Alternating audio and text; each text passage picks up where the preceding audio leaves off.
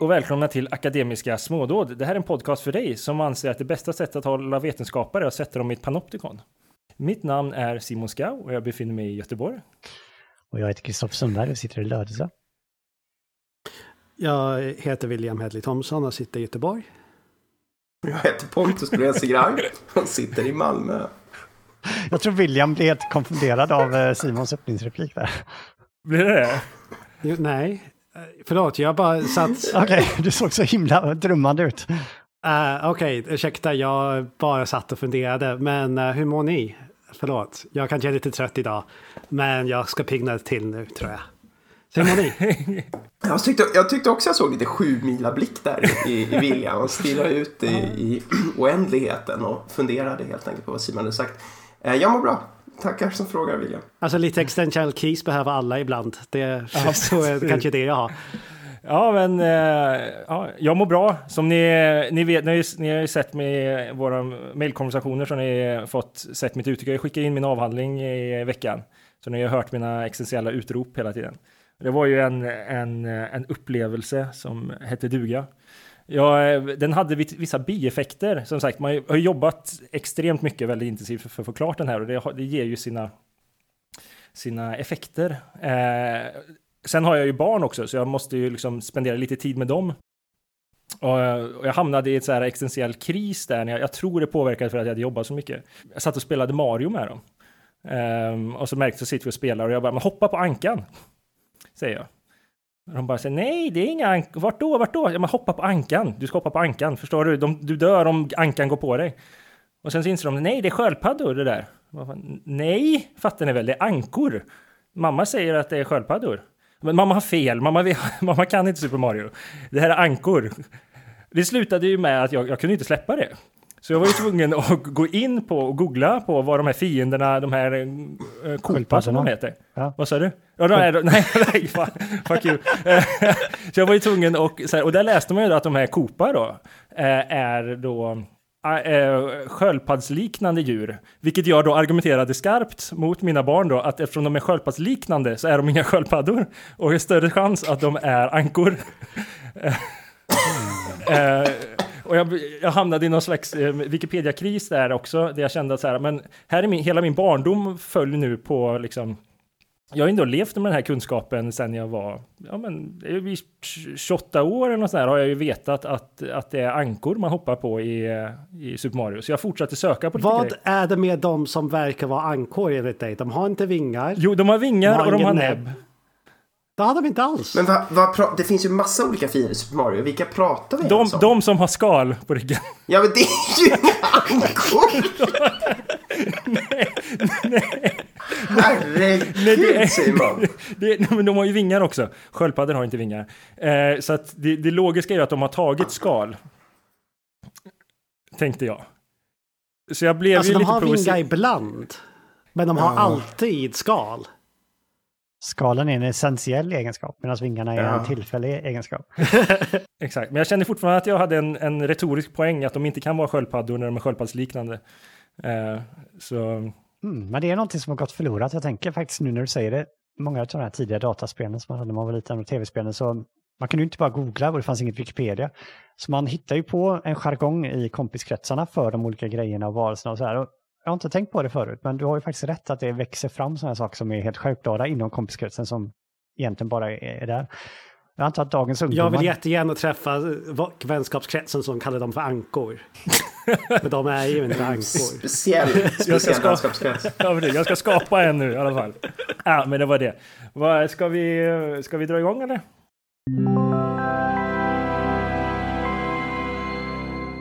De två senaste tillfällena har vi pratat om replikationskrisen och eh, QRP som står för Questionable Research Practices. Eh, jag rekommenderar att ni lyssnar på de avsnitten om ni inte har gjort det. Men, eh, och, men idag har vi tänkt prata om lösningar på vad, vad, det, här kan, eh, vad det här är då, på, eller potentiella lösningar till den här replikationskrisen och Questionable Research Practice, eller vad, vad är det på svenska? Jag tror jag hittar på en översättning som var tveksam forskningspraxis. Tveksam forskningspraxis, precis. Det låter svinbra. Men det är, jag har ju märkt det själv och man är väl märkt framför allt där det ju varit som tydligast i Kristoffer att under den här resan när vi har diskuterat de här sakerna, eh, replikation, QRPS, har, har ni några tankar eh, över det här, hur det har över de två senaste avsnitten och, och vad de fenomenen vi har pratat om, vad de innebär liksom för vetenskapen eller för er som vetenskapare eller akademiker? Ja, så um, ja, de första två avsnitten som Simon redan sa handlar om så här reproducerbarhet Ja, replikationskrisen och sen QRP. Och som jag sa i första avsnittet tror jag, det, det, här har ju präglat mitt liv sedan det kom och jag tror det har hänt till eh, Pontus också. Uh, och det har varit jätteintressant att se, för, för jag har bråkat med det här i över fem år nu tror jag. Medan vi har sett på två veckor ungefär Kristoffer bråka med de här frågorna och väldigt snabbt och det har varit jättekul att se uh, tilltron till vetenskap försvagas och förhoppningsvis kan vi rädda den nu.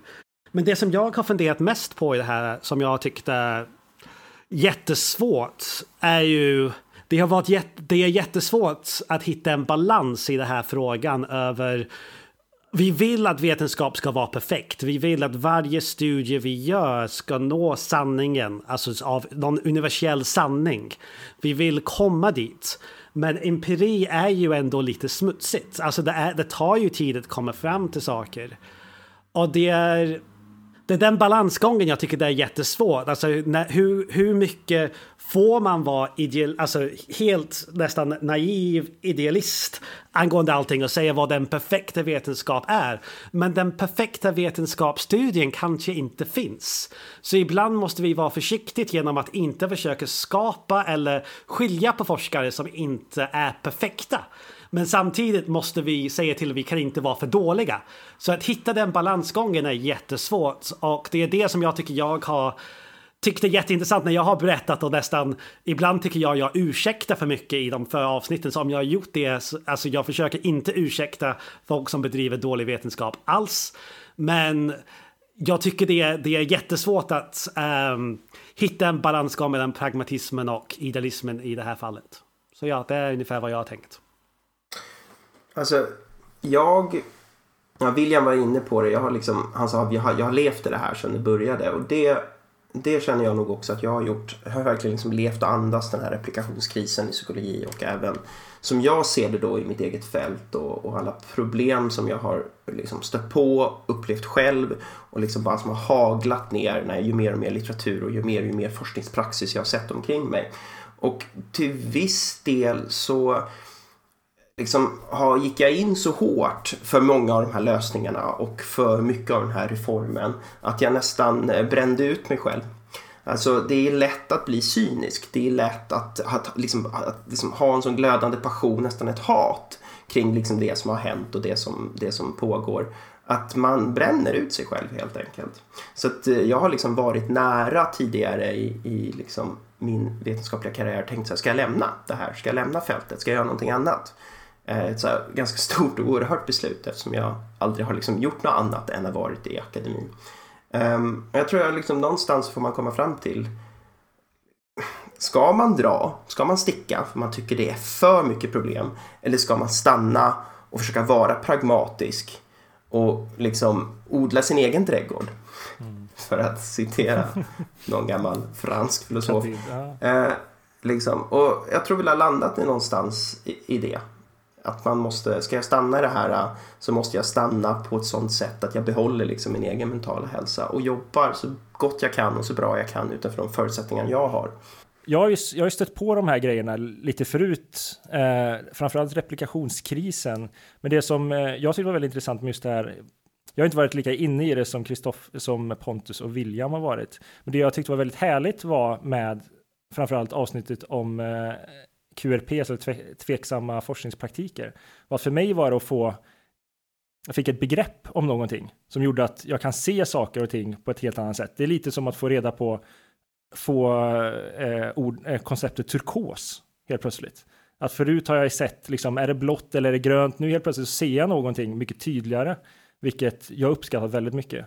Sen är replikationskrisen har ju funnits med väldigt länge. Jag minns, minns minns när jag började doktorera så fick man alltid råden väldigt mycket om att alltså här, eh, som, som ny forskare så är det en, en väldigt typisk eh, ehm, en väldigt typisk grej man gör att man blir väldigt kär i all sin data.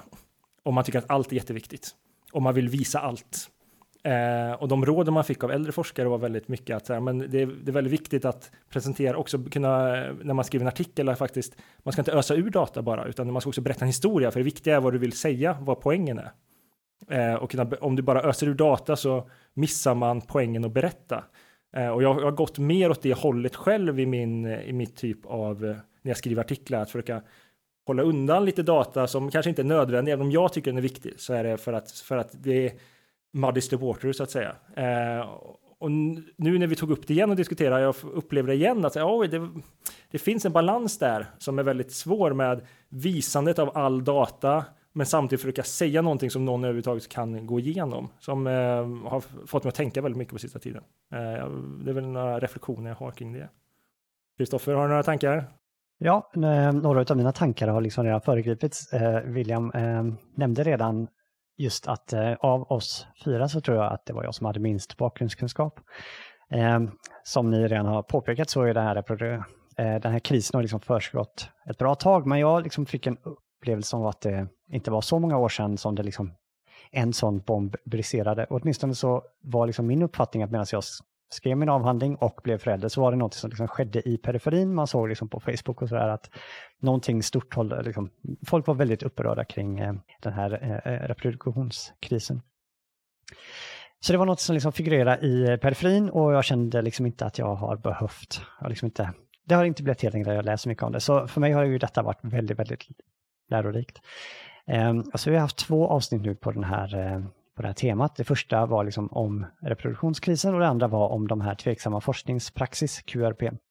Och det första avsnittet var redan det väldigt intressant om själva replikationskrisen eller reproduktionskrisen. Och, och på ett sätt kan man säga att det på ett, på ett intellektuellt plan så engagerade mig väldigt mycket. Jag var från början så lite mer tveksam eh, när vi planerade vår podcast så var min inställning ungefär att ja, men det här kanske kan vara någonting vi lägger tio minuter på någon gång i förbifarten på väg till spännande saker som eh, kunskapsfilosofi och sånt här. Eh, men jag har um, förstått och tycker själv nu att detta är såklart mycket viktigare än så och förtjänar, förtjänar ett par avsnitt. och det är inte någonting man behandlar eller löser i förbifarten.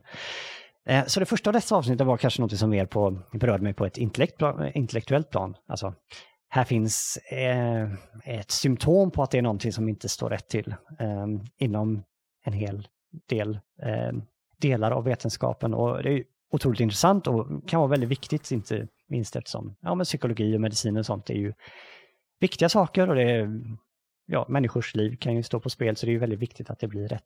Men det gjorde mig inte upprörd på ett emotionellt plan. Men eh, när vi kom över till det här QRP, den här tveksamma forskningspraxis, så å ena sidan fanns det ju saker där som på det intellektuella planet var väldigt intressanta. Eh, saker som man inte visste och som liksom engagerar en intellektuellt. Som att även om man kanske har goda intentioner så kan det lätt bli fel och det har kanske funnits en viss okunskap kring metoder och sånt där som har gjort att det saker och ting har liksom inte blivit så bra som det hade kunnat bli. Men det som kanske var nytt där var att jag också blev, eh, vad ska vi säga, emotionellt eller kanske rent av moraliskt upprörd. Att det var någonting som på riktigt gjorde mig upprörd. Och här kanske jag var lite mer, eh, ni andra har haft tid att smälta de här så det blev liksom lite mer eh, drabbande för mig. Att här fanns, om man nu ska förstärka en aspekt av det, här finns åtminstone vissa av de här tveksamma forskningspraxis som jag skulle kunna förstå som någonstans i närheten av fusk eller som att dopa sig eller dopa sina resultat. Och jag tror det, det som gör att jag blir så upprörd är just när det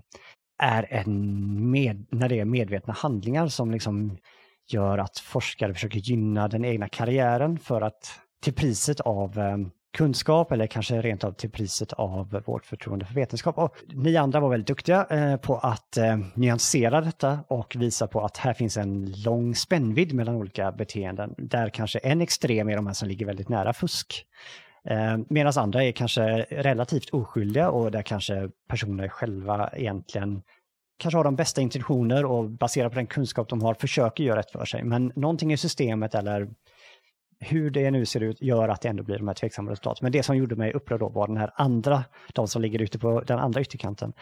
Ehm, och varför blir man upprörd? Å ena sidan så, så såklart så leder ju detta till att eh, de här kunskapen vi är ute efter, att vi kanske inte når den. Och det är ju kanske nog så upprörande. Men vad jag tror är mer allvarligt, vad som gör mig mer upprörd, är kanske just att det precis som dopning inom idrott eller korruption inom politik, när folk sysslar med sånt för att gynna den egna karriären, så är det väl att man kanske gör att tilltron överhuvudtaget till vetenskap försvagas. Och Att det är just det som kanske gör att man blir upprörd, eller jag blir upprörd. Och jag, jag tänker ofta på en av mina favoritfilosofer, Popper. Eh, man kan kritisera honom på mycket och i detaljer, och så, men en sak som han alltid trycker på, som han menar skiljer just vetenskap från annat, är den här öppenheten. Öppenheten för kritik, att liksom, ingen människa är så smart, inte ens Einstein, eh, att här, att vi inte behöver ta till kritik utifrån, att vi låter andra ta en del av processen och komma med förslag och kritisera och så här. Och vissa av den här tveksamma forskningspraxisen döljer delar, viktiga delar av processen och undanhåller den egna forskningen från den här typen av granskande kritik som kanske är en väldigt, väldigt viktig del av vad som gör vetenskap till vetenskap och vad som gör det så mycket bättre än kanske förklaringar inom religion och sådär. Eh, så och jag får väl säga att ett resultat av de två senaste avsnitten har ju varit, å ena sidan positivt, jag har lärt mig mycket och så här, men min tilltro till, kanske inte vetenskap, men min tilltro till vissa grenar, forskare inom vissa grenar av vetenskap är kanske eh, något försvagad. Eh, så jag ser väldigt mycket fram emot detta avsnitt och mm, får få höra lite mer positiva aspekter av det och hoppas att delar av min tilltro får, får sig ett uppsving. Men, Vi ska rädda det. Ja, men jag tror redan, jag kommer inte ihåg om det var Pontus eller William som sa detta, eh, bägge två tror jag faktiskt. Eh, jag var också med. Och Simon var också med? Okay, eh, det är sant. Eh, skillnaden mellan det här naiva, idealistiska bilden av att eh, av forskare som oklanderliga hjältar och att vetenskap ska vara det här rena, fina, perfekta. Att den kan bli barnslig och kanske rent av skadlig om, man, om den är helt ouppnåelig. Så att, jag förväntar mig kanske inte, och man kanske inte bör förvänta sig att lösningen måste resultera i den här kritvita bilden. Men eh, jag skulle ändå uppskatta om den eh, blir lite ljusare. Så ja, det är väl vad, vart jag är just nu och vad jag ser fram emot vid det här avsnittet. Eh, jag tycker att Kristoffers sammanfattning var extremt bra. Och det, för mig är den ju tankeväckande också. För som sagt, nu har jag sagt det här 17 gånger, jag har ju levt i det här. Eh, och det är så spännande att få det här från utom, liksom ett utomperspektiv. Eftersom jag har varit precis där Kristoffer har varit. Och ibland så undrar jag, har jag tappat lite av den här frustrationen? Den här, eh, men, den här besvikelsen som Kristoffer uttrycker. Jag vet inte, kanske jag behöver hitta tillbaks till den. Samtidigt så är det ju liksom också någon slags resa som alla gör och man landar ju alltid i någonting. Eh, men nu tycker jag vi försöker återställa Kristoffers förtroende till delar av vetenskapen. Kanske vi inte kommer tillbaka till den kritvita, perfekta, popperianska bilden. Kanske inte ens vi vill dit. Vad vet jag? William kanske har åsikter om det. Absolut. Eh, men vi kan ju diskutera hur vi ska göra, eller vad förslagen är för att åtgärda eh, forskningspraxis då som är tveksamma, som är fel och som spänner då från rent fusk till kanske mer oskyldiga beteenden som, som ändå på något sätt vi helst skulle vilja göra oss av med. Um, och hur ska vi då lösa den här replikationskrisen? Så ett lösningsförslag som jag gärna vill diskutera är preregistrering. Förregistrering, alltså förregistrering av ens forskning. Men jag tror, tänker vi tar en kort bakgrund varför detta kan vara en bra idé. Vi tänker oss ett stort Problemet med den här replikationskrisen är att vi har fält eller delfält som är helt nedlusade av så kallade falska positiva fynd. Det vill säga, vi har vetenskapliga publikationer som påstår att det finns ett samband, det finns en skillnad, det finns effekter där inget egentligen i verkligheten finns. En anledning till att det blir så är på grund av att forskare vill publicera eh, fynd som påstås ha hittat någonting. Det ska vara intressant, det ska vara nytt och det ska gärna vara lite sexigt. Ett nollfynd, ett intet fynd, uppfyller sällan dessa kriterier. Okej, vad händer då? Vad händer istället för nollfynd? Jo, forskare gör så här att de utforskar sin data så grundligt. De plöjer igenom sin data från alla håll och vinklar och hittar ett samband som mycket väl enbart kan bero på slump och brus. Och sen skapar man ett narrativ kring att det var just detta samband man hade en hypotes om, fast det hade man egentligen inte. Och nu har vi helt plötsligt bekräftat den hypotesen. Vi kan tänka oss att man tar ett hagelgevär, skjuter mot en ladugårdsvägg. Sen tar man upp lite färg, en pensel, ritar en pricktavla runt det kluster av eh, hagelskott som var liksom tätast. Och så säger man “Titta vad bra jag sköt”. Vi har nu falska positiva i, i, i fältet. Det finns en annan eh, grej här. Vi kan säga att vi har en a priori definierad hypotes. Vi har faktiskt en hypotes. Men vi vrider och vänder på analysmetoden. Vi vrider och vänder så mycket på data. Vi exkluderar en datapunkt här. Vi prövar att lägga till massa olika variabler. Vi delar vårt stickprov i två och gör om analyserna. Vi testar massa med olika statistiska modeller. Alla dessa analyser skapar en kombination av ett myller av stigar som man utforskar, som överlappar varandra. Och så väljer man att presentera enbart den snitslade stig som ledde fram till ett signifikant resultat och glömmer eller sopar undan alla de andra stigarna.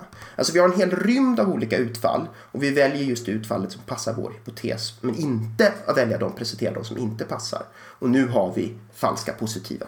Okej, det tredje problemet då, då som vi kanske ska åtgärda med den här förregistreringen. Vi får se.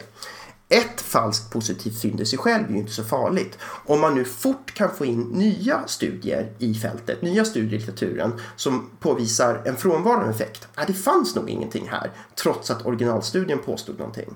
Men det är svårt att publicera negativa fynd, alltså nollfynd som inte hittar någonting.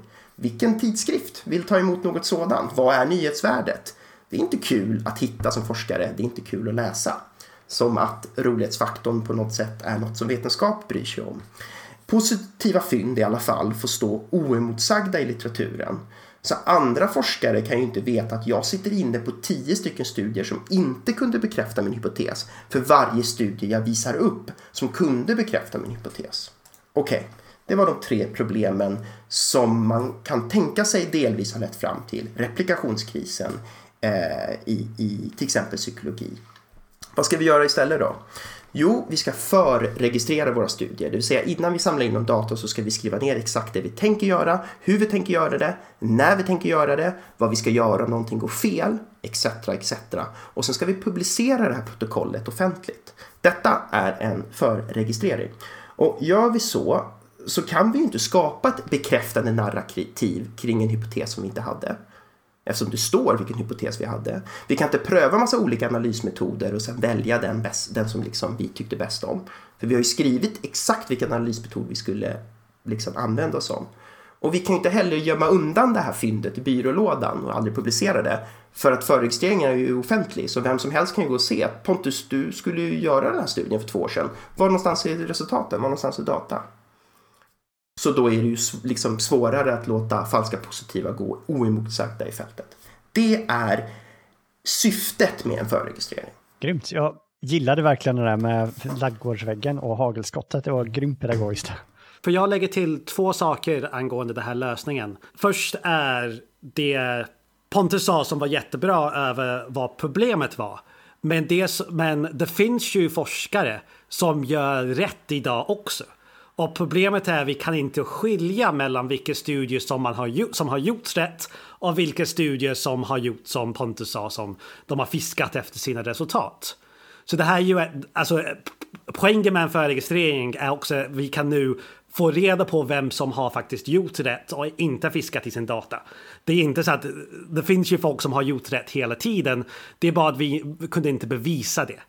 Nummer två, som jag tror vi kommer, förmodligen kommer in till i den här diskussionen, är det finns nu eh, en litteratur, nu har förregistreringar funnits ett tag och det finns kritik mot förregistreringar att de är lite vaga. Så det finns en ny lösning som har kommit fram som kallas för registrerade rapporter. Och då är det någonting som folk kan skicka in till tidskrifter. Andra forskare granskar din förregistrering och sen kommer du, kan, måste du se till att din förregistrering är tillräckligt bra. För just nu är ett problem med förregistrering att man kan nästan skriva vad som helst. Så till exempel, jag har en förregistrering och jag är ju hemsk att korrekturläsa. Det saknas ett viktigt ord i en av mina förregistreringar. Det bara saknas ett ord. Så det står “Undis variable will be” och sen punkt. Uh, något sånt, alltså det är inte 100% så, men det står någonting, det står väldigt tydligt um, fel att det bara saknas information i min förregistrering.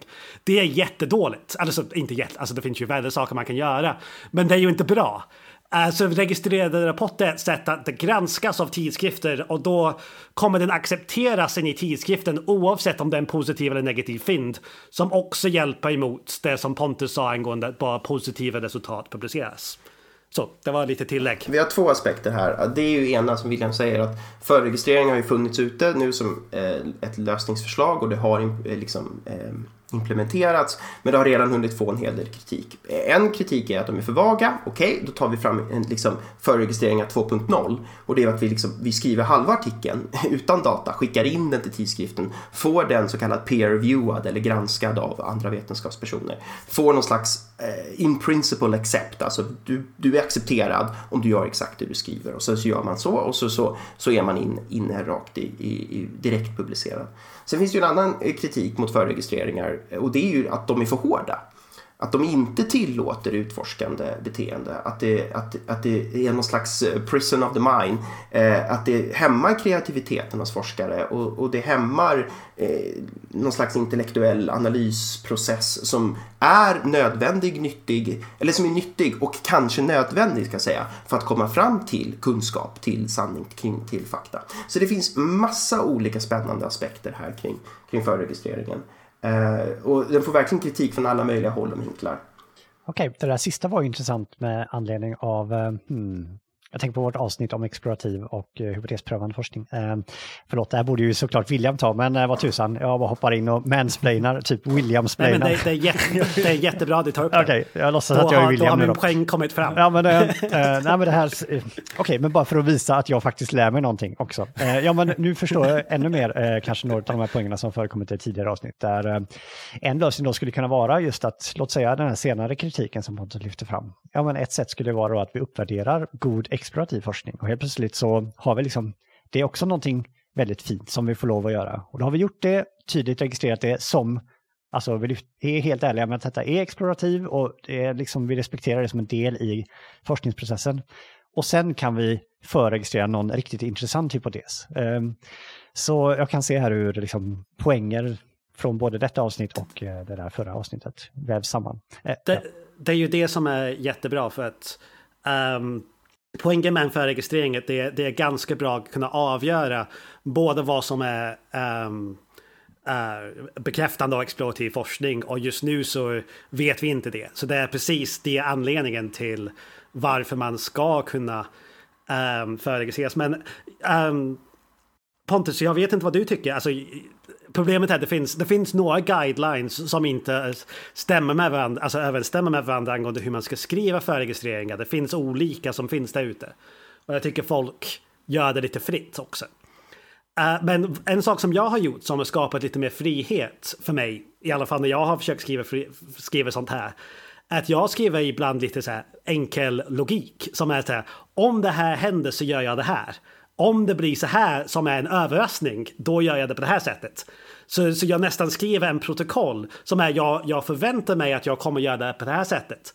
Men ifall jag hittar någonting avvikande, för jag är inte 100% säker, för det här fortfarande inte Um, jag gör inte fysik, jag, gör, jag jobbar med lite brusiga data. Så om det är så att det är mycket mer avvikande än vad jag trodde det skulle vara, då ska jag göra det på det här sättet. Uh, vad tycker du om att göra det på det sättet? Jag tycker det är jättebra. Om du har den kapaciteten, den förmågan och den eh, prediktion, alltså den, liksom, kan du se så mycket in i framtiden och kan så mycket om analysen av ämnet och du vet att det här kan bli ett problem, skriv ner det. Jag har tagit en ganska mycket mera eh, eh, avslappnat förhållningssätt. Eftersom jag anser att förregistreringar är bra, jag försöker ha dem så mycket som möjligt i min egen forskning. Det finns en, liten eh, kaviat, det är så heter det, en liten käpphäst där man ska kasta in, men skit i det. Det bara, handlar bara om min forskning. Eh, men jag brukar bara tänka så här. Om det uppstår någonting som inte är med i förregistreringen som jag inte jag kan tackla inom ramen av mitt förregistrerade protokoll. Då får jag bara rapportera det transparent. Som vi gjorde ett avsteg, vi gjorde ett avstamp som vi inte kunde förutse eller som jag var för lat för att förutse när jag skrev förregistreringen. Jag är ju en stor förespråkare för liksom pragmatism här också. Man ska, det ska inte bli en för jobbig börda att göra en förregistrering. Det är viktigt, det är bra, men det får liksom inte ta för mycket tid för då kommer folk inte göra det, inklusive jag själv. Så att om jag inte orkar tänka så mycket i förväg och ha en sån här contingency plan som William beskriver nu med massa olika logiska steg och hit och liksom ett beslutsträd som spretar ut sig. Då tänker jag så här, så länge jag är transparent om att det här är ett tydligt avsteg mot förregistreringsprotokollet så i artikeln så är det okej. Okay. Och jag har börjat göra så att jag delar upp mina artiklar nu som jag är med och skriver, som jag skriver själv, i två resultatdelar. Den ena kallar jag för konfirmatorisk forskning. Där får bara sånt som är med i förregistreringen vara med. Den andra resultatdelen kallar jag för exploratorisk forskning eller post hoc eller någonting sånt. Och där tillåter jag mig själv egentligen att gå helt vilt ut och litar på att läsaren fattar att det här statistiska värdet eller kriteriet eller det här sambandet jag påstår här har lägre evidensvärde. Det är det här hagelgevärsskottet mot eh, lagortsdörren.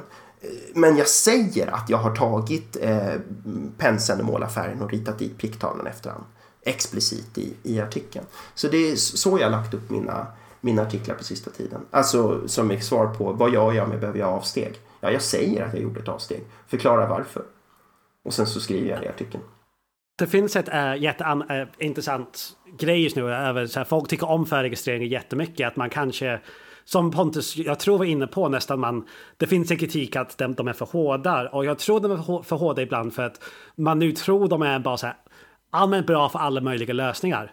Men så till exempel, jag, jag tror jag nämnde det här i ett, annat, ett tidigare avsnitt, men jag har skrivit just om explorativ forskning i en artikel.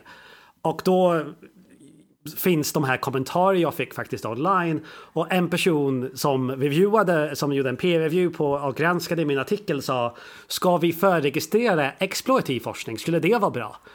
Och det tycker jag var så här men då tappar man poängen med varför man ska ha förregistrering överhuvudtaget.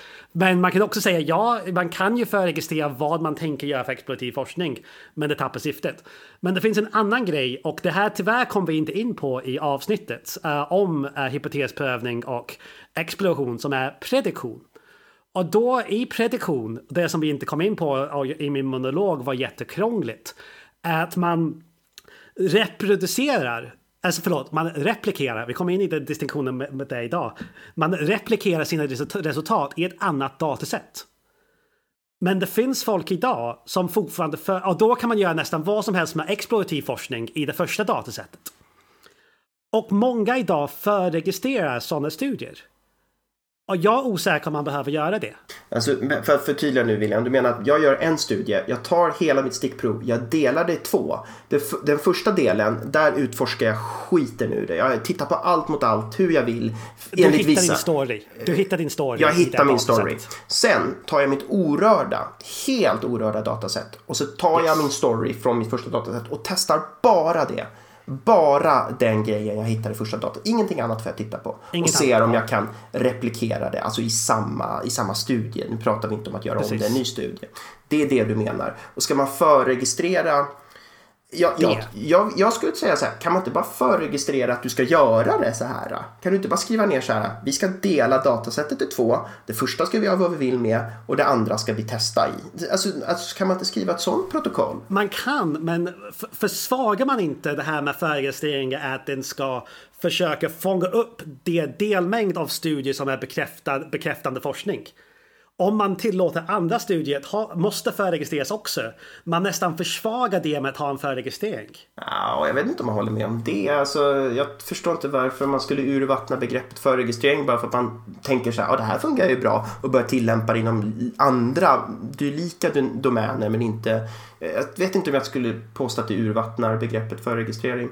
Om det har en slags universal lösning som visar sig vara effektiv, vi kan ju diskutera hur effektivt det är, men då kan det vara trevligt att testa det inom andra eh, domäner, andra liksom, fält, andra problem också och se om det kanske hjälper eller löser.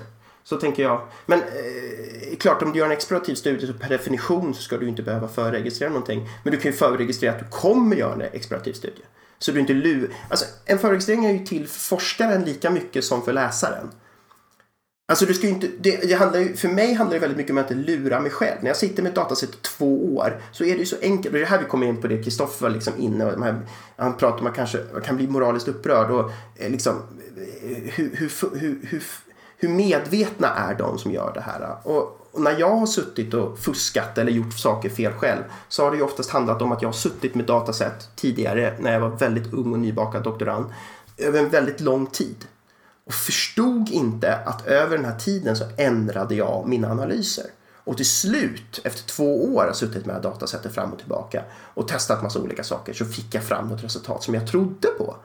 Men liksom, herregud, hade jag gjort det där, hade jag hade aldrig gjort det den första veckan jag satt med med datasätten. Så det här, Förlåt Simon. Nej, nej, men bara för att ge exempel på att man kan ha... Jag, jag håller på med en studie just nu där vi började samla in datan för åtta år sedan och vi har fortfarande inte samlat in all data. Bara för vissa saker tar extremt lång tid.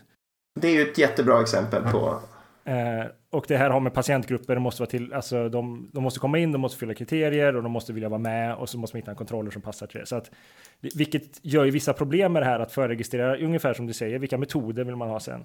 Eh, fortsätt gärna på det, för jag har några saker jag vill komma in på sen, men jag vill bara ge, ge exempel på hur extrema tider det kan faktiskt handla om. Det är en väldigt bra poäng. Men alltså, jag ska också säga det, när det kommer till min forskning så har jag nästan aldrig förregistrerat någonting innan datainsamlingarna eh, börjat. Därför att de flesta av de datasätt jag har jobbat med började samlades in innan jag började doktorera. Alltså vissa av dem innan förregistreringen existerade som ett begrepp. För mig har det handlat om att ha ett datasätt som jag vet att jag ska analysera och istället förregistrera analysmetoden och säga så här, jag, jag lovar, jag har inte tittat på datan.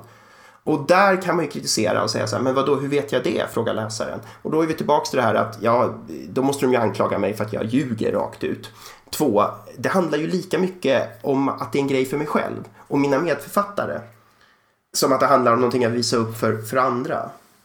Det, det, är två jätteintressanta frågor jag har till er nu. För jag tycker det här, alltså, det här är jättespännande. För det, det här är ju, för lyssnarna, det här är ju jätteaktuellt att folk försöker förregistrera studier just nu. Varje forskare jag samarbetar med nu, till exempel jag säger vi borde försöka förregistrera det här. Och jag, jag, jag tycker det finns ett par intressanta problem. Det första är och det här tror jag så här, kanske distinktionen med varför jag kanske vill behålla förregistreringar till bekräftande forskning är för det finns någon sorts prestige just nu i en förregistrerad studie. Och det kanske är bara tillfälligt på grund av att det är ganska nytt.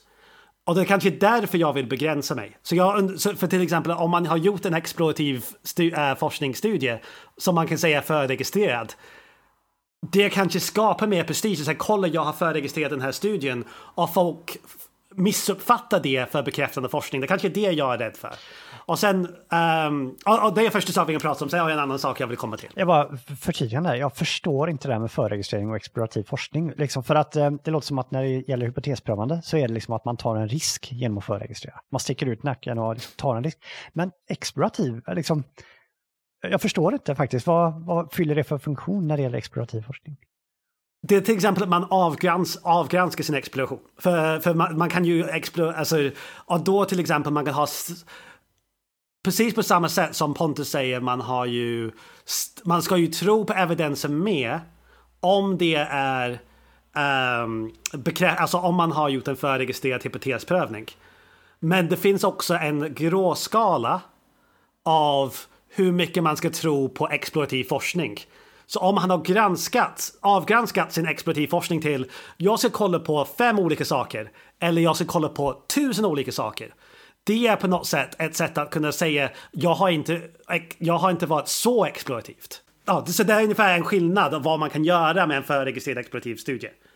Jag, jag säger inte jag håller med. För, för, bara, ja. jag, jag, jag, jag håller väl med William i stor utsträckning om att det kanske inte är så vettigt att förregistrera en explorativ studie. Och jag tror inte, det är ju som sagt inte så det egentligen har sålts in heller. Utan det handlar i första hand om eh, eh bekräftande forskning. Och, och att det ska då få lite högre status, vilket jag tror det har haft. Däremot så tror jag att det hade lite högre status för 4-5 år sedan. Idag känns det som att det har uppdagats tillräckligt många problem Eh, med, med förregistreringar och tillräckligt mycket liksom, fall där folk även fuskar eller man ska säga eller liksom, kanske inte heller följer sina förregistreringar men gärna vill att det ska se ut som de har gjort det och så vidare och så vidare. Att statusen som förut var väldigt hypad kanske har sänkts och idag skulle jag påstå, i alla fall min liksom, känsla är att de här eh, Register Report, eh, liksom förregistrerade rapporterna, alltså de här vi pratade om förregistrering 2.0 när man faktiskt skickar in det till tidskriften. Det är det nya heta, det är liksom kattens potatis det är då vi har status igen.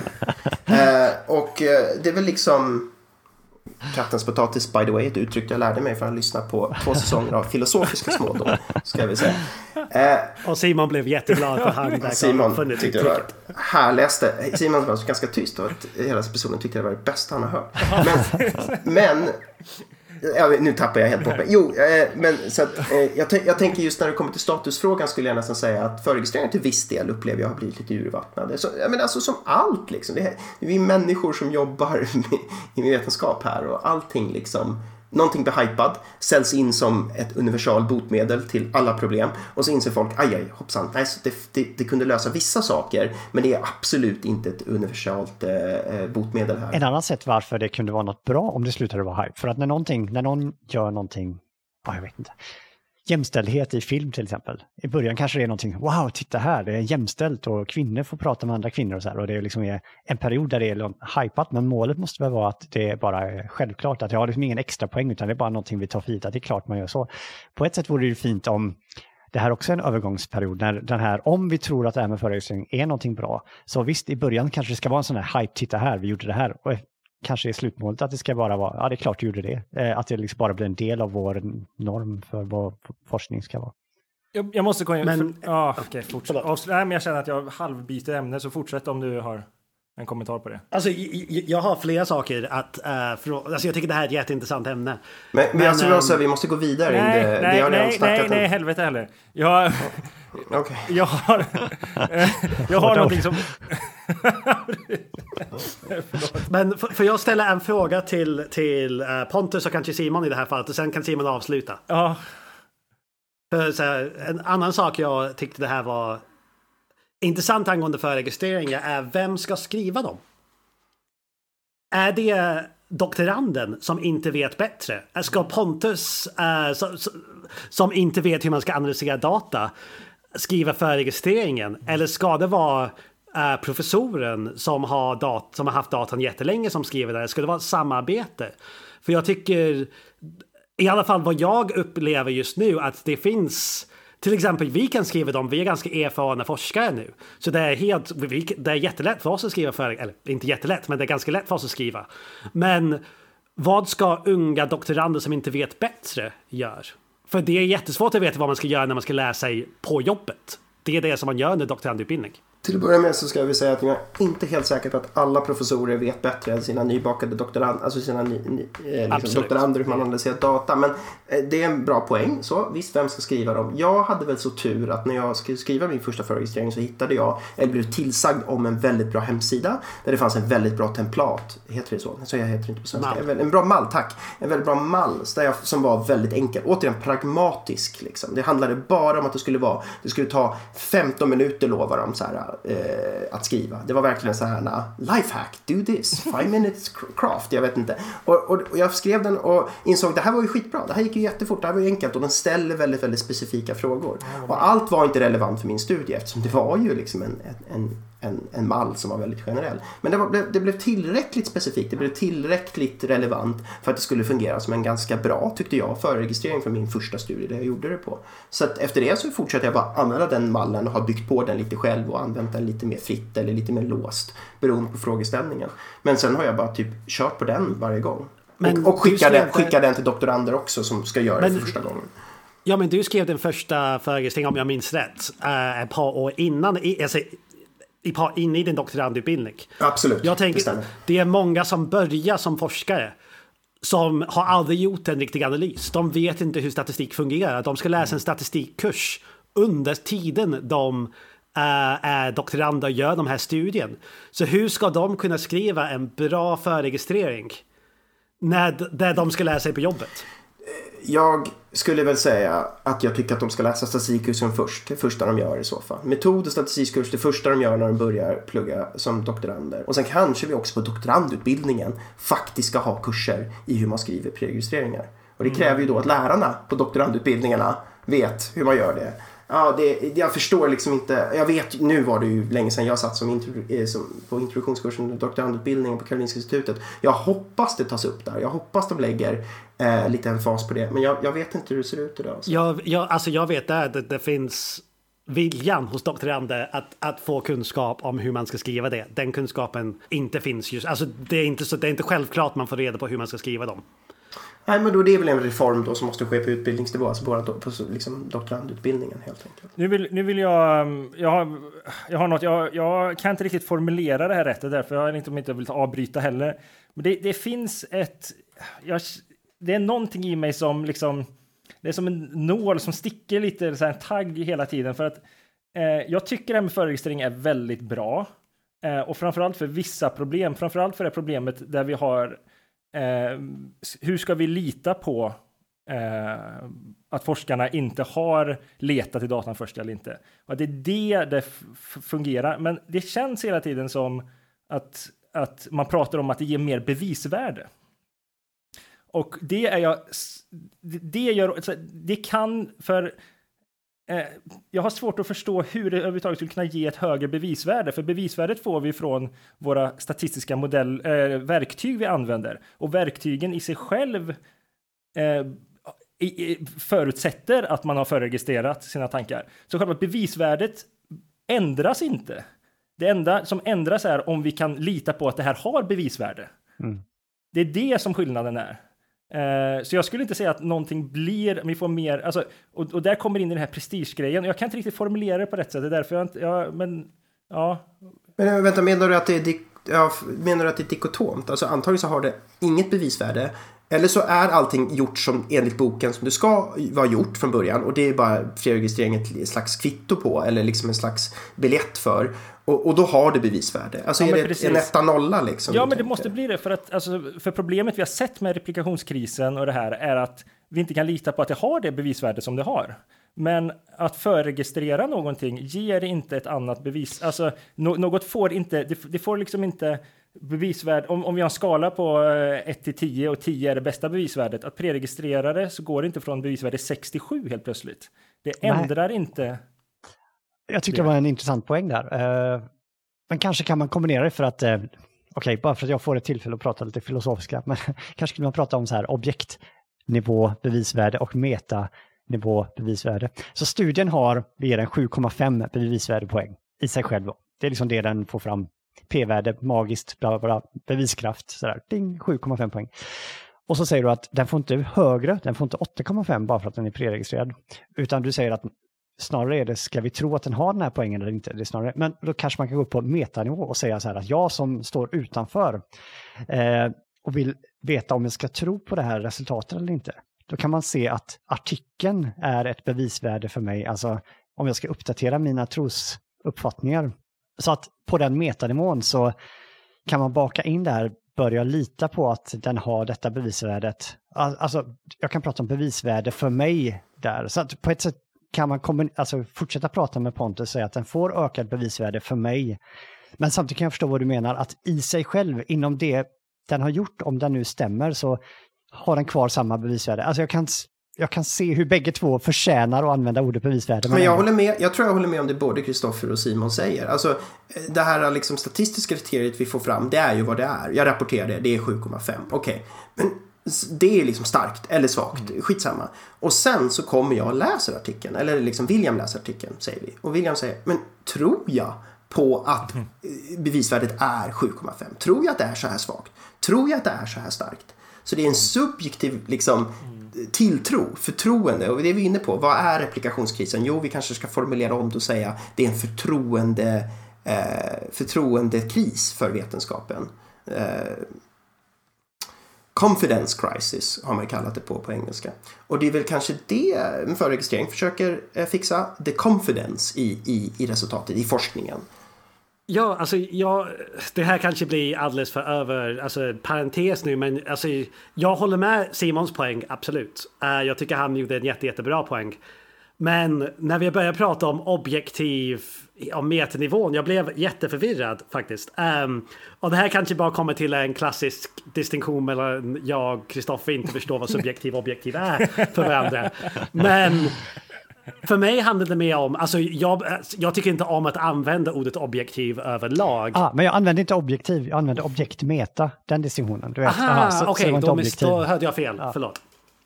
Um, men för mig, det, det, om jag skulle göra distinktionen då, det är mer resultatet är objektiv eller inte subjektiv. Men kanske processen är, vet vi inte om den är subjektiv eller objektiv. Och det är processen som det har varit problem för. Och det är processen vi gör objektiv genom att förregistrera. Nej, jag tycker det var skitbra sammanfattat. I love it. Så Um, trots att man kan, göra det, man kan göra det rätt, precis som ni säger. Vi kan inte ha förtroende att man gör det rätt. Vi kan inte lita på forskare för att de kan göra fel, eller vi kan göra fel. Vi behöver en panoptikon för dem helt enkelt. Det... Men för jag tänkte... Eller så måste ja. vi livestreama vår forskning istället. Exakt. När vi... Ja, just det, för jag, jag lurade lite vad det är, eh, nu blev jag norsk, lurt lite på, eh, på det där du sa i början med Panopticon, men och mm. jag kopplade inte riktigt, men nu ser jag ju, okej, okay, så om jag nu tar på mig någon sorts djävulsgrej och tänker att nej, det här med preregistrering, varför skulle jag inte gilla det? Ja, men kanske tycker jag att, ja, men det un, litar inte på mig, liksom att det är på något sätt, eh, precis som att vi vill inte bli kontrollerade av staten jämt och ständigt, utan vi vill liksom ja, en, någon sorts tilltro till att vi sköter social eh, distansering. Vi behöver inte lagar för det. Jo, men att man, man ser det lite som en förolämpning om den här, eh, att det är som en panoptikon som säger liksom att, eh, att någon ska gå och bevaka oss hela tiden som forskare, liksom, att det liksom behandlar oss som småbarn. Så, här. så kanske jag kan tänka mig att någon eh, varför någon inte skulle gilla detta med eh, förregistreringar. Själv tycker jag det låter som en nästan så här, sunt förnuft-lösning. Att, eh, det här låter ju ganska vettigt. Och precis som ni sa i början att eh, visst, det finns de som sköter sig och det finns de som inte gör det. Och detta hjälper oss skillnad på dem. Och det är ungefär som att eh, om vi gör den här kopplingen till doping som vi pratade om förra gången. De flesta idrottare kanske inte dopar sig. Men vi hade kanske en period där vi lät idrottare, idrottare göra sina egna dopingtest. Och de flesta kunde vi lita på. De sa att de inte hade dopat sig och de har inte gjort det heller. Och, men däremot så gör detta att vi genom att ha en extern dopingkontroll så kan vi faktiskt få fast de där få, förhoppningsvis, som, som dopar sig. Um, men vi kanske kan gå till nästa lösning. Men ja. okej, okay, men uh, då var det förregistrering. Men av förregistreringen det är bra att för lyssnarna att förstå. Det är, det är nog den dominant lösningen just nu för att försöka lösa replikation och därför kanske vi har pratat om det så mycket.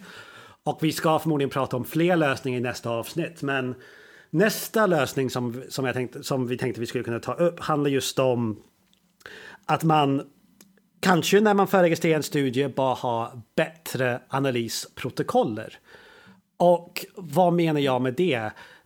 Då måste vi komma tyvärr till en distinktion som, vi gjorde, alltså som vi inte gjorde i första avsnittet angående det här. Och det är skillnaden mellan replikation och reproducerbarhet. Så um, Pontus, sa, Pontus gjorde en väldigt bra poäng att säga att vi, det finns en distinktion men vi ska inte bry oss om den distinktionen. För att uh, kanske jag använde ordet fel innan, jag, innan han. Men uh, nu finns det en distinktion här mellan replikation och reproducerbarhet som vi måste ta upp. Och replikation handlar ju om att man ska samla in ny data och uh, hitta samma fynd igen i ny data. Reproducerbarhet handlar ju om att med samma data ska man kunna få samma resultat. Och överraskande nog så har det också varit ett problem. Och vi kanske, vi har inte pratat om problemet så mycket, men till exempel man kan bege data från, från människor som har publicerat, publicerat forskningsresultat. Och det har funnits studier där man har frågat flera labbar efter data och så kan man inte få samma resultat som de, som de gjorde med sin data, med sin kod. Trots att de ger datan, trots att de ger kod. Ibland kan man inte ens reproducera samma resultat.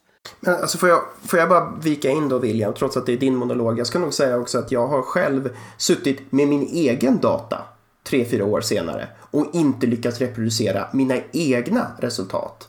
Alltså, det är en personlig erfarenhet och det vet jag har eh, liksom skett för väldigt många andra forskare. Så det är inte bara jag som är helt sämst i det här fallet. Simon sitter ja, och nickar, ser jag här. Som så, är... så det, det, här är ju liksom, det, det låter för en, kanske en lekman låter det så här, det, det är väl självklart man ska kunna reproducera på samma data. Men inte med det verkar vi ha lite svårt för, vi vetenskapspersoner. Fortsätt um, så, så, så, det här är också en del av krisen och då vi kanske många av de här lösningarna är väldigt tekniska och för, för, många, för många naiva lyssnare kommer det här låta så basalt. Till exempel om man använder Windows eller Apple datorer så kan man ibland få olika resultat i mjukvaror.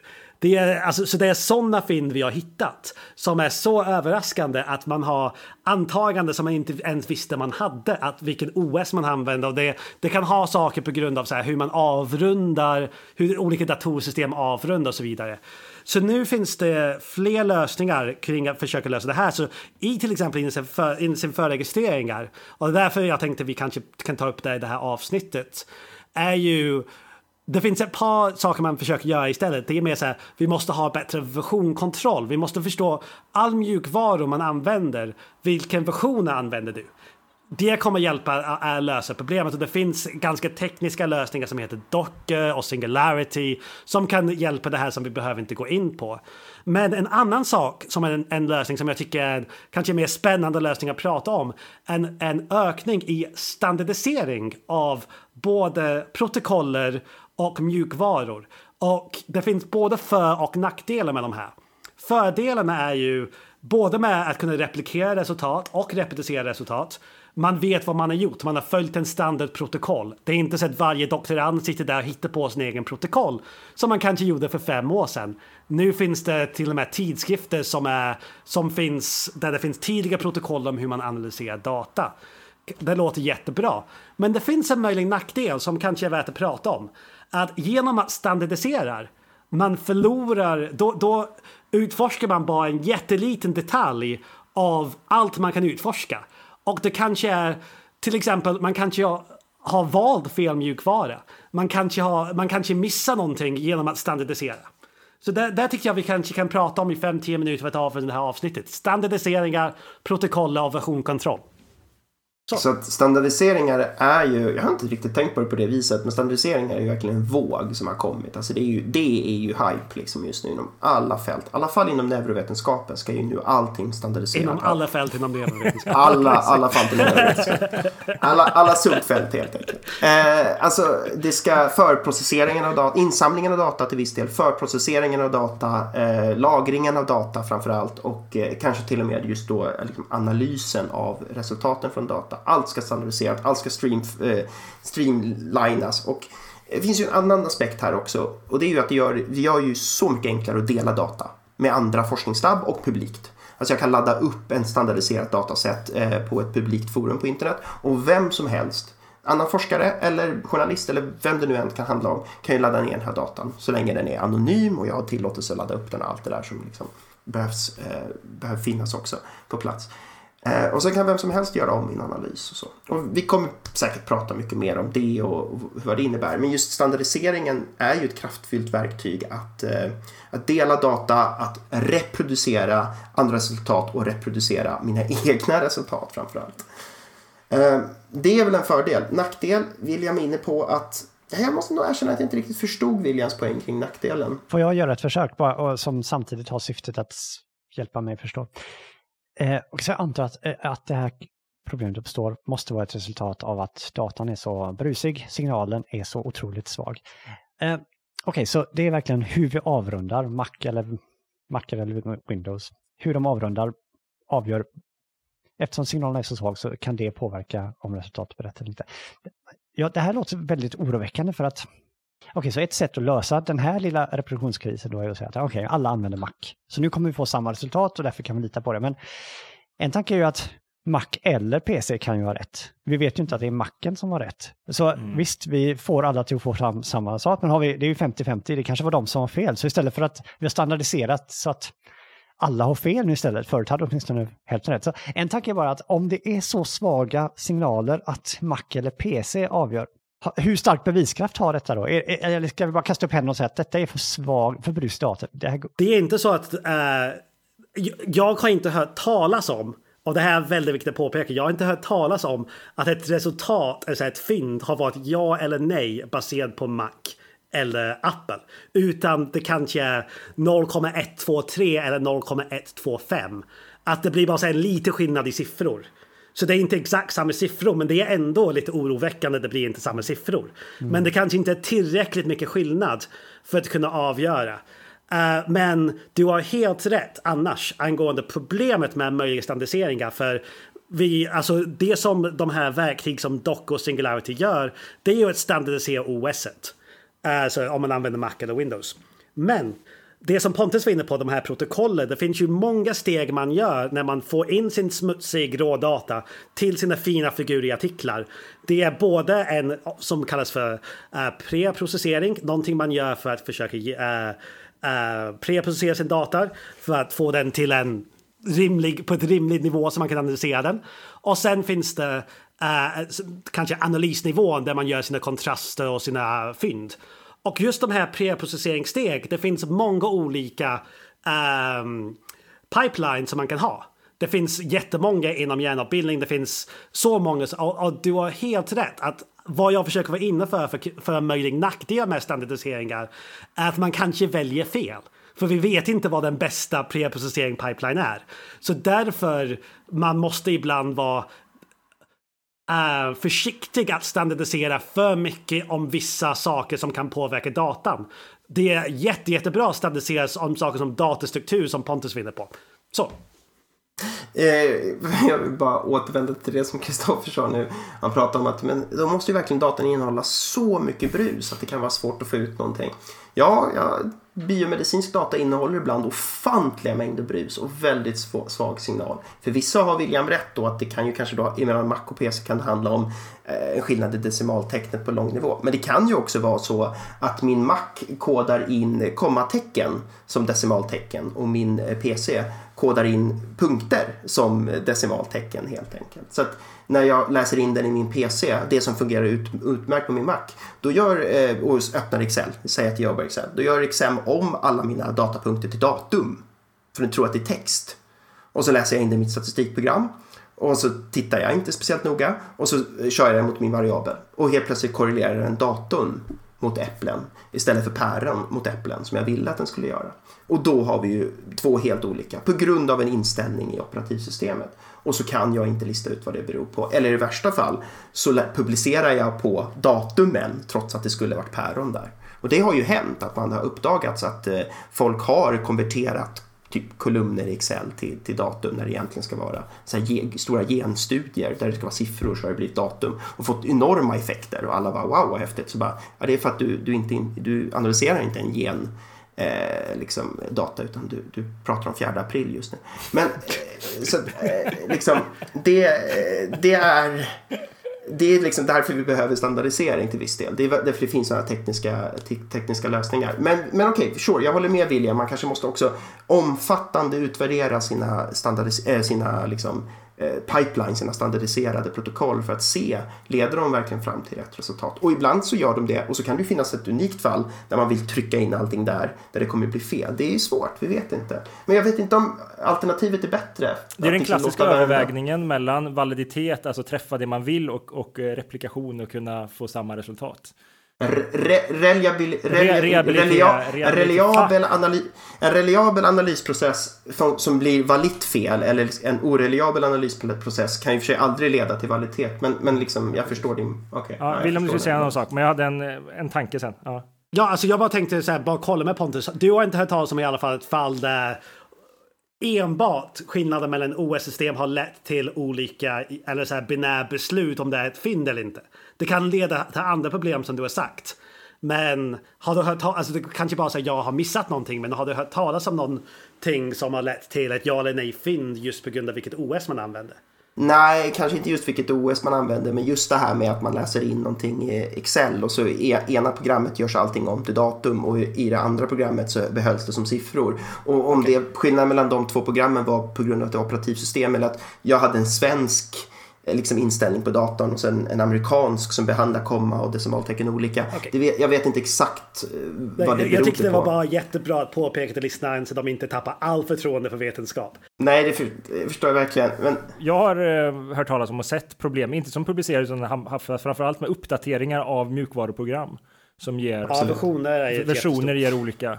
Eh, som, som kan ge, och framförallt när man jobbar med extremt stora databaser där ja. man helst gärna vill undvika att manuellt gå in och kolla på varje enskild. Eh, varit, har, har sett projekt där de har fått i efterhand inse när de har uppdaterat när i slut när de säger oj, det blev faktiskt annorlunda. Vi måste manuellt gå in och kolla på alla de här hur många datapunkter det nu är för att liksom kolla vart, vart hände felet liksom.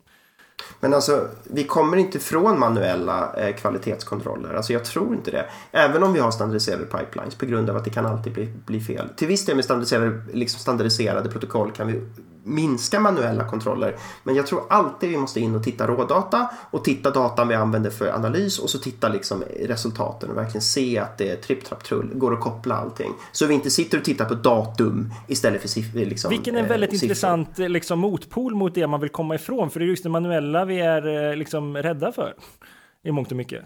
Men min, minimerade manuell, manuell eh, QC, alltså manuell quality control är en sak. Då sitter jag bara och tittar på datan. Att, att, att manuellt sitta och inputta data, alltså sitta och liksom skriva liksom, ja, jo, jo, in jo. data och ta ut data, klippa och klistra data manuellt. det vill vi komma ifrån. Men manuell QC behövs inte för just fusionskontroll. Alltså det som behövs är när man rapporterar sina fynd, man skriver väldigt tydligt vilken version av mjukvara man har använt. Ja, då går det att reproducera. Det är det som är, när det just gäller att kunna reproducera samma fynd på samma data. Det handlar ju om att om du har använt version 1 eller version 1.2 av, ett, av, en, dat, av, av ett program. Det ska du skriva antingen i förregistreringen, helst i förregistreringen så du inte hackar vilken version du använder.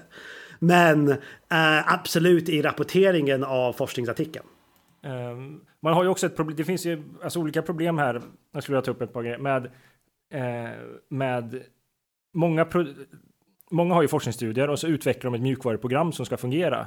Eh, men mjukvaruprogram är oftast utvecklade för att lösa ett speciellt problem.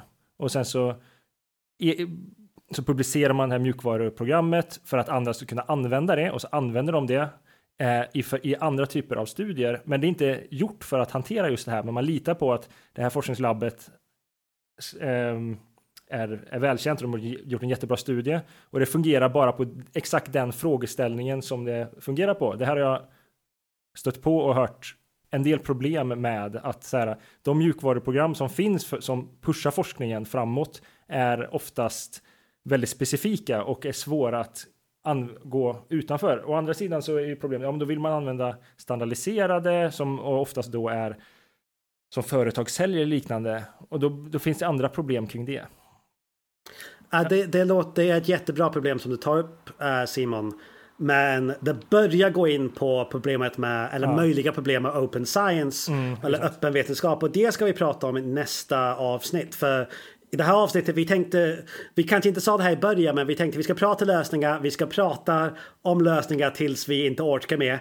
Uh, nu, nu börjar vi tappa ork. Uh, så vi pratar om två möjliga lösningar för att kunna maximera reproducerbarhet och replikation och äh, replikerbar, äh, replikerbarhet idag. Och det ena var just om att man ska förregistrera sina studier. Det andra var att man ska maximera sina reproducerbarhet genom versionkontroll och protokoller. Är det något som ni vill tillägga? Eller, ja. Jag vill Nej, potentiellt ta upp en sak. Så, så här, paus och se. Jag, det här kan man klippa bort sen om det är helt orelevant. Alltså, för det finns en, en, en sak som det du pratade om nu blir ju väldigt tydligt för ja, men till exempel hjärnabildning eller vissa biomedicinska grejer. Eh, ett, eh, eh, jag vet inte om det här löser, men ett problem som jag har upplevt när jag har läst psykologisk forskning och framförallt experimentell psykologisk forskning är eh, även äl gärna äldre experimentell psykologisk forskning är den här eh, extrema detaljrikedomen i till exempel om man gör ett test så beskriver man hur långt ifrån, eh, om man får ett test på en dataskärm till exempel, hur, hur nära man sitter, hur nära sitter deltagarna, vilken eh, färgkontrast är det på, på figurerna de ser, eh, hur stora, hur många hertz på hur många hertz det är, de rapporterar hur mycket som helst eh, till att det blir, eh, för att kunna den typen av skapar också, jag förstår att det är väldigt viktigt för en, en en reproducerbarhet att vara så extrem i eh, detaljrikedomen med att nästan berätta vilken temperatur det var på rummet. Eh, kan, eh, kan nästan få med. Visst, det är viktigt att, att, rapportera vilken tid på dagen deltagarna var med och sånt där, men å andra sidan så blir det någonstans också extremt ointressant om, om inte den konceptuella replikationen då så att säga, eller rep reproducerbarheten går att så här, ja men vi hade eh, det, var, det var ett plustecken på, eh, på bilden. Att inte det ska räcka utan det måste vara exakt vilken hertz det är, vilken, vilket avstånd de sitter. Eh, och den fynden blir också relativt generaliseringen man vill kunna göra av forskningen blir, tom, blir relativt tomma i den specifikiteten. Jag tror man kan tänka att den informationen skadar inte. Men det kanske så här, behövs den informationen. Det är ju en avvägning, alltså hur mycket information. Det är så här, men vilken färg var det på väggarna? Behövs det? Vilken uh, tillverk av stolen de satt i? Behövs det? Ändra det på sina resultat? Hur bekväm? Alltså om man sitter i en jättebekväm stol kontra typ en jättetråkig uh, trästol. kan, kan det påverka? Alltså, absolut. Uh, man, man försöker dra, alltså, skriva alla relevanta faktorer som man tror finns. Och då handlar det om att man har sakkunskap i ämnet, man har gjort det här ett par gånger och att man är liksom ärlig och förstår någonstans. Och till viss del handlar det om metavetenskap, det vi var inne på i avsnitt ett. Liksom. Vi måste kanske mer forska på det som behövs för att vi ska kunna reproducera, replikera en studie på ett framgångsrikt fullt. Det är inte säkert att forskarna ens vet allt de måste rapportera. Men någonstans så kanske du också är inne på det, liksom, om man ska vara lite hårdare. Om det är så att märket på stolen man sitter på är avgörande, vad är det egentligen man forskar på i så fall? Vad är, det, är det intressant? Är det tillräckligt, eh, är teorin tillräckligt mogen och välutvecklad? Är hypotesen och testet i den experimentella setupen, är den tillräckligt bra? Om, om nu stolen ska påverka så mycket. Och jag vet inte, jag skulle nog kunna tänka mig att svaret på den frågan är nej. Och då det kanske in... ska gå tillbaks till ritbordet i så då fall. Då kommer man in på Kristoffers kritik, att så här, men om det påverkar om man har eh, OS eller om man har Windows eller Apple. Eller, eh, ja, då har vi ett problem. Ja, nej, alltså, om, det, om det inte är ett så misstag i, mm. i någon slags eh, att en, en, en datavariabel blir någon helt annan utan det handlar verkligen om att bruset är så högt. Då kanske vi måste gå tillbaka och tänka Ska vi hitta någonting, någon slags frågeställning där vi kan hitta mer signal med de mätmetoderna vi har? Men vi kan tänka oss då att standardisera äh, våra forskningsprotokoller handlar ju om att vi ser till att all vår data är, vi sitter i samma stol. Man kan också till exempel säga, ja men spelar det så stor roll om man använder sig av program 1 eller version 1 eller program version 1.1? Om det är så avgörande, är det, är det ett problem eller är, är det på samma sätt som om man sitter på, på äh, trästol eller en bekväm stol? Alltså, vi kanske är inne på det. Hur robust måste, måste olika pipelines vara? Eller räcker det att det går att reproducera med en standardiserad pipeline? Jag skulle, jag skulle, bara för, för den stackars humanisten som har hängt med i det här eh, så, så, vill jag bara ge en liknelse hur det kan fungera. Det är ungefär som att tänka sig att läsa två olika översättningar av Platon som kan faktiskt skilja sig rätt stort till exempel. Och där helt plötsligt inser man oj, vad viktigt det är att, eller måste jag lära mig grundspråket eller liknande. Eh, det... Du är en evig optimist Simon som tror att en humanist har orkat så här långt in i samtalet och lyssnar på när vi sitter här. För ni som fortfarande hänger med eh, så ska vi väl säga att nästa avsnitt så ska vi prata om en annan typ av lösningsförslag. När vi började här med att prata om replikationskrisen så utlovade jag att eh, avsnitt nummer två i den här miniserien om replikationskris skulle vara lösningar. Och nu är vi alltså ute nere på det fjärde avsnittet här. Nästa avsnitt ska vi prata om ytterligare en, en lösning. Eh, ett lösningsförslag. Det här eller kanske avsnitt, fler lösningar. Kanske eller kanske ännu fler så. Vi får väl se hur mycket vi, vi hinner med. Eh, det här avsnittet har vi pratat om två eh, olika eh, saker man nu reformerar till viss del i, i vetenskapliga fält. Och det ena är att man ska förregistrera sina studier innan man gör dem. Och det andra är att man ska ha standardiserade protokoll för hur man analyserar data, hur man samlar in data.